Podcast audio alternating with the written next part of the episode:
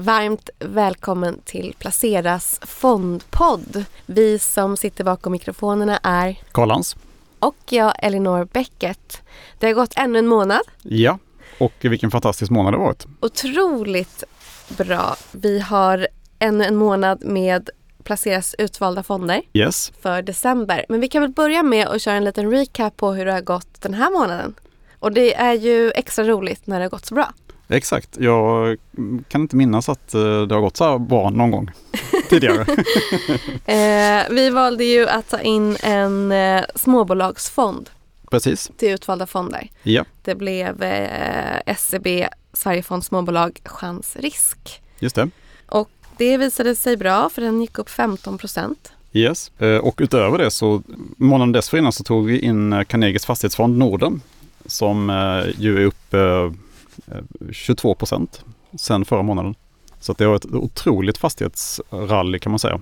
Båda de här uppgångarna hänger samman med eh, räntan. Att vi förmodligen då har fått eh, en räntetopp och kan komma att få se räntesänkningar härifrån den här nivån. Och ska ju tilläggas att även då eh, Spiltan Aktiefond Investmentbolag som vi också tog in eh, har också gått väldigt bra.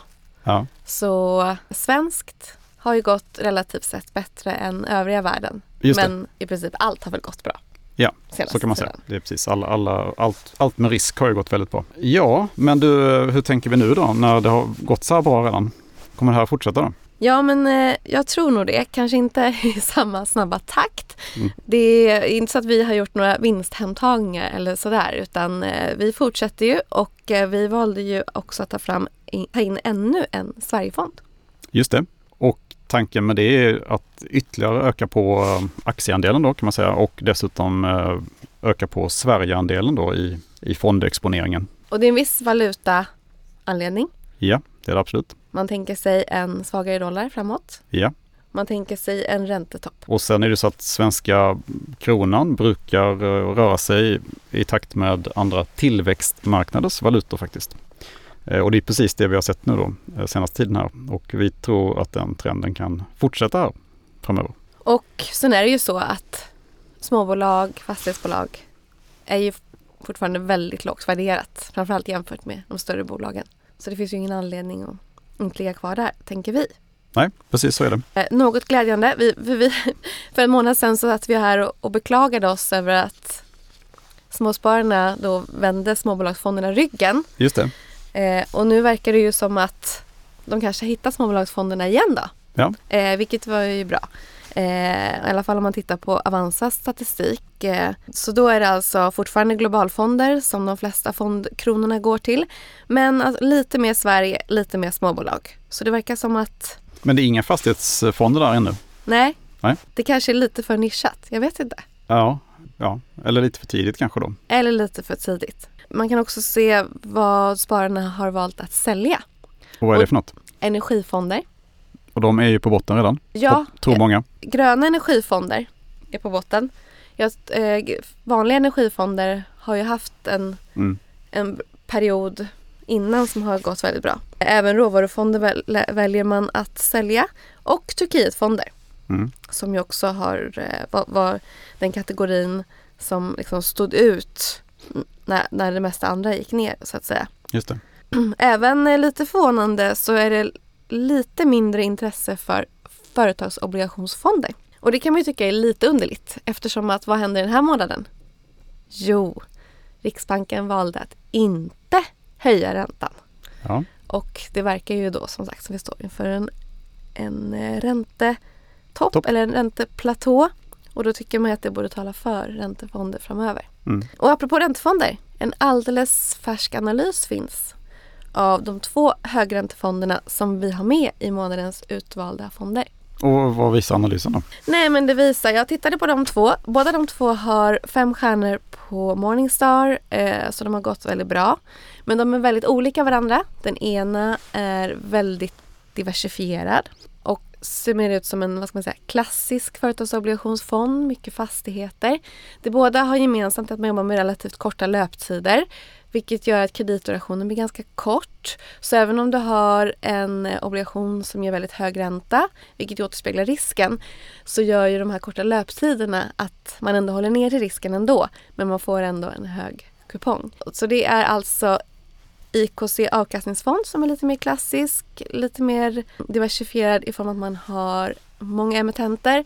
Medan då Case högräntefond som tidigare hette Case Fairplay ska tilläggas. Eh, har lite mer, inte lika mycket Sverige, lite mer nordeuropeiskt fokus och väldigt liten andel fastigheter. Och jag tittade lite på det utifrån att man, om man då är intresserad av att ha högräntefonder i sin portfölj, eh, vilket ju vi har ett sånt marknadsklimat att det faktiskt kan vara ganska bra eftersom att kupongräntan i princip är där man kan förvänta sig för genomsnittlig avkastning på börsen.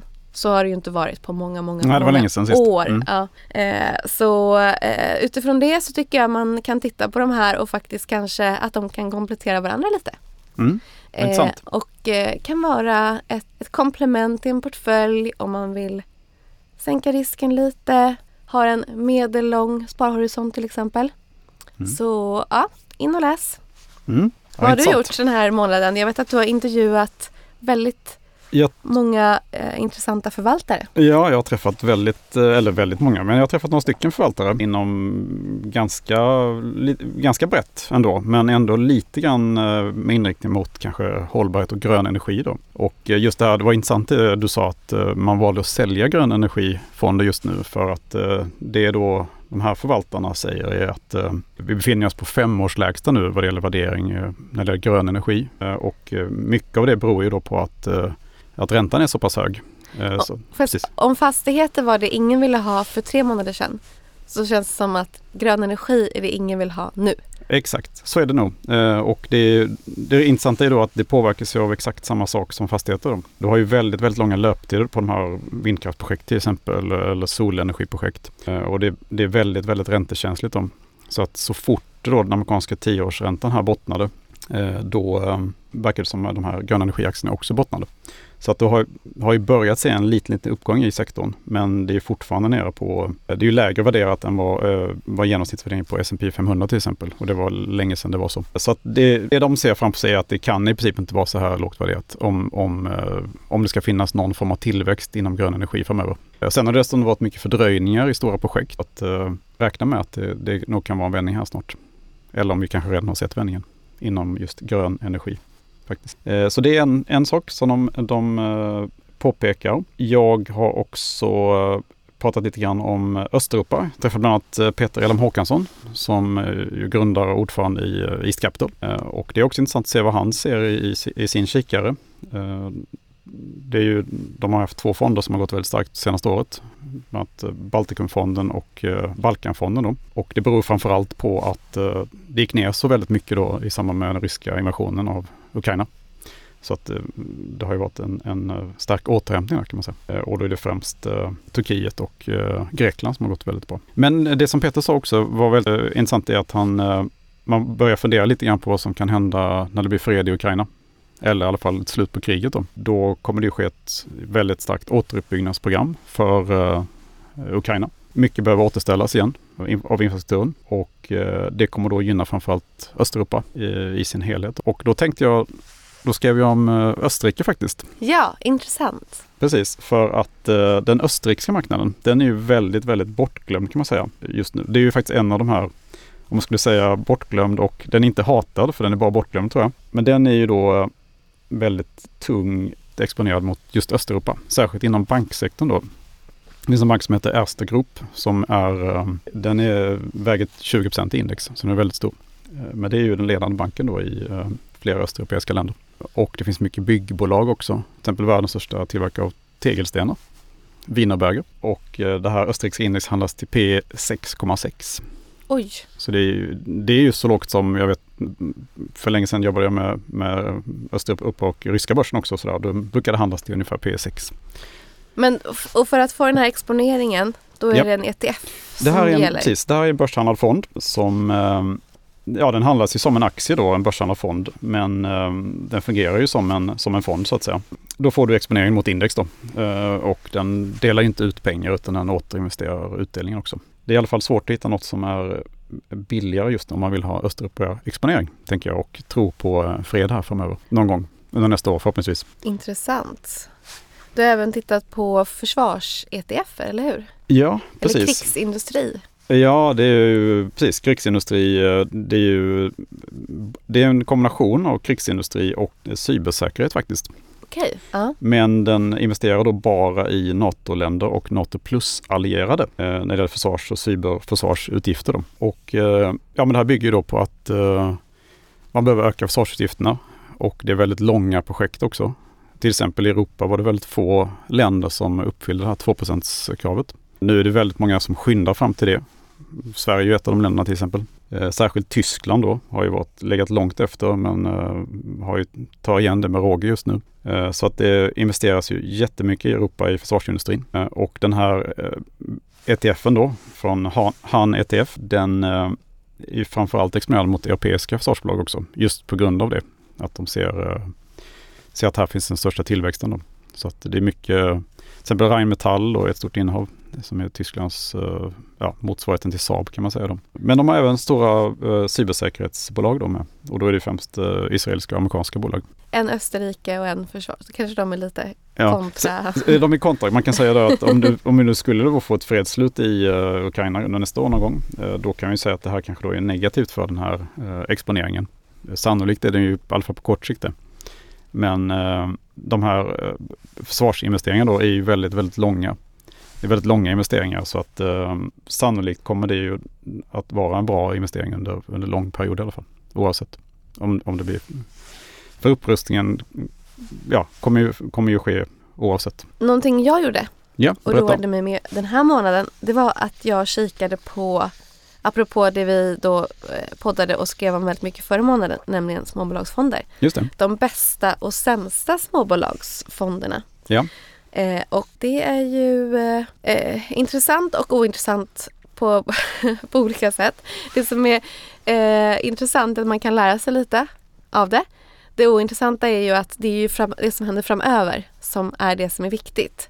Men det jag kan ändå tänka jag tycker man kan tänka på när man själv utvärderar dem det är ju då att man såklart tittar på vilka bolag är i de här olika fonderna.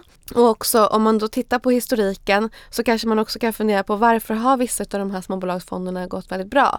För till exempel vissa av dem är ju, har väldigt stora bolag i sina småbolagsfonder. Exakt, det har jag också tänkt på många gånger. Ja, Mm. och, och då blir det ju då att, och, och, och nu när vi har en, en period bakom oss där stora bolag har gått väldigt mycket bättre än småbolag, då eh, är det ju rimligtvis inte så att man får det man vill ha om man då väljer den småbolagsfonden som har gått bäst hittills. Så jag tycker att man eh, kan eh, vara lite kritisk mot de här urskiljnings knapparna som man trycker på i, om man screenar olika fonder på sin bank till exempel. Utan att man helt enkelt går in och kikar lite på vad är de, de här största innehaven? Hur stora är de? Eh, eftersom att eh, småbo- ett småbolag i, i, i, liksom, i Sverige eh, kan jag ju tycka liksom 1 till 5 miljarder Mm. Och det är, ja, precis. Det är i väldigt, market cap kanske är ju verkligen ett, ett smått bolag. ja, det är ett litet bolag. Ja, Mm. medans eh, andra som ändå kan liksom rymmas i de här kanske in, absolut inte är det. Ofta hittar man ju Trelleborg där till exempel, Trelleborg är en Som- typisk småbolagsfavorit Ja, som exakt. inte är så litet. som inte är ett exempel. småbolag. Precis. Så jag tycker ändå att man kan eh, Jag tycker ändå man kan ta med sig det när man kikar på vilken småbolagsfond man ska välja. Mm. Och, eh, och också då såklart se till hur duktig förvaltaren har varit. Men också tänka på att eh, många av de fonderna som hamnar liksom högst upp i listan eller längst ner i listan har ofta befunnit sig på vice versa. Eh, alltså den som var lägst har också vid något tillfälle varit den som faktiskt varit bäst. Så att titta inte bara på ett år, inte bara på tre år utan gärna på fem år och se vilken liksom är hela tiden relativt högt i listan. Det tycker jag ändå är så här, någon form av kvalitets... Mm. em, Mm. Kontinuitet liksom. kontinuiteten, precis. Mm. Det är det som är det svåra. Ja. Så eh, jag tyckte ändå att, eh, eh, att det är inte alltid sådana där bäst och sämst listor ger någonting. Men här tyckte jag att det sa ganska mycket om liksom, svårigheterna med att faktiskt välja eh, rätt småbolagsfond. Vad hittar du då? Är det något, något speciellt som är... Nej, men den som har gått, gått absolut bäst det är då Spiltan Aktiefond Småland.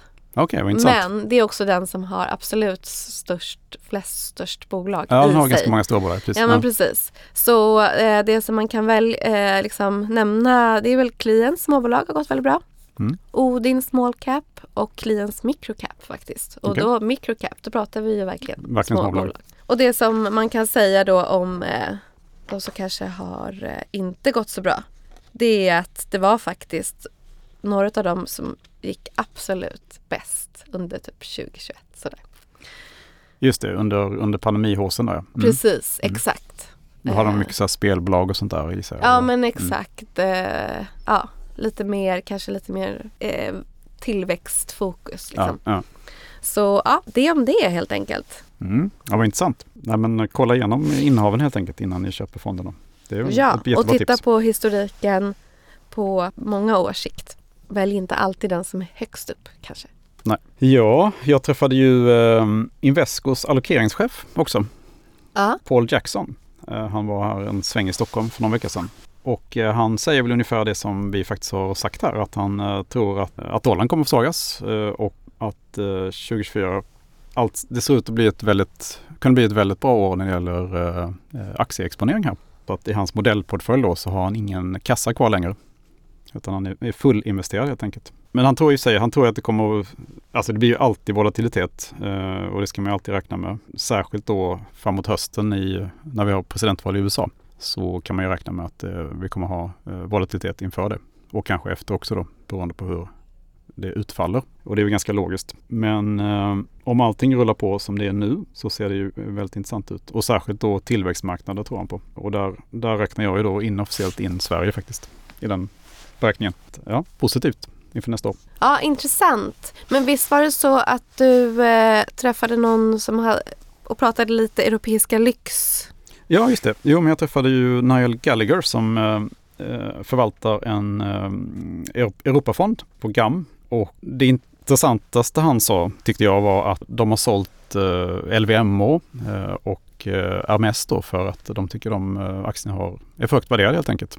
Deras timing var ju också eh, ruskigt bra för de sålde då mitt i sommaren. Liksom. Och han tycker fortfarande att det här är fantastiska bolag. Så att eh, han sa att inom en 12 månadersperiod kommer jag köpa tillbaka dem igen, förmodligen, när de då har fallit. Men i övrigt då så, så eh, tycker han ju då att de europeiska börserna är, ju- är såklart väldigt, de är ju lågt värderade historiskt också. P 12 eller något sånt där i Europa i genomsnitt. Och särskilt lågt är faktiskt den brittiska marknaden. Ännu, särskilt, än, ännu, mer, ännu lägre värderade är då liksom eh, små och medelstora bolag faktiskt, eh, europeiska. Och mycket beror också på att det är så otroligt låg likviditet då på många av de här marknaderna också. Så att eh, det blir ingen rätt, det blir inte riktigt prissättning kan man säga på, på marknaden. Så Men att, Europa känns som att det alltid är lågt värderat. Ja, precis. Särskilt jämfört med USA. Men, Ja. ja. Jo, och det är alltid när jag har liksom, jag vet att jag, jag träffade, jag lyssnade på JP Morgan Asset Managements USA-strateg då för något år sedan och då, då visade de så här, så här tänkte människor 2011 då liksom. Och då visade de, ja då trodde alla att Europa kommer att liksom vinna då nästa decennium här liksom. För att det är så lågt värderat. Och så, vem är det som vinner? Ja det är USA såklart, överlägset. Liksom. Och lite grann känns det ju samma nu då, att det är, det är lågt värderat men det finns ett skäl till varför det är lågt värderat också. Och det är ju, ja det är mycket också att det är, Europa har ju utmaningar då med, inte minst med energiförsörjning. Liksom. Och det gör ju att det, du ser ju också nu till exempel när europeiska storbolag och sådär flyttar ju hem produktion och så. Men mycket av det, man väljer ju att satsa mycket på, på industriproduktion i USA faktiskt. Det är ju jätte, en jättestark trend bland tyska bolag också. Bland tyska medelstora bolag till och med att man flyttar produktion till USA faktiskt. För att det är mycket billigare eh, energikostnader. Plus att man då har det här Inflation Reduction Act då, så att man får mycket stöd faktiskt. Så att är en viss avindustrialisering då sker ju faktiskt i Europa just nu. Så att eh, nej, men därmed inte sagt att det inte finns väldigt många bra bolag i Europa eh, såklart. Särskilt bland de kanske större bolagen som klarar att och, och bli mer globala. Liksom. Mm. Man får ju automatiskt mycket USA-exponering när man har globalfonder. Så är det ju drygt 60 procent. Så då kan det ju vara extra intressant. Alltså det krävs inte så mycket aktivt av en själv för att investera i USA. Nej, så är det absolut. Men eh, vill man få tillgång till eh, tillväxten av de här europeiska kvalitetsbolagen då kanske man får ta ett litet aktivt val. Ja, så är det ju. Och, och, och samtidigt kan man säga då att får vi en dollarförsvagning här så, så brukar det ju gynna mer perifera marknader då. Så att eh, det är ju det är inte alls omöjligt att det kommer att bli starkt, att nästa år kommer väldigt bra helt enkelt. Och särskilt om du får de här stora investeringsprogrammen, till exempel för återuppbyggnad av Ukraina, kommer också gynna Västeuropa. Vi får hoppas på, på fred helt enkelt. Det gör vi. Ja. Tack för att ni har lyssnat. Mm, tack så mycket.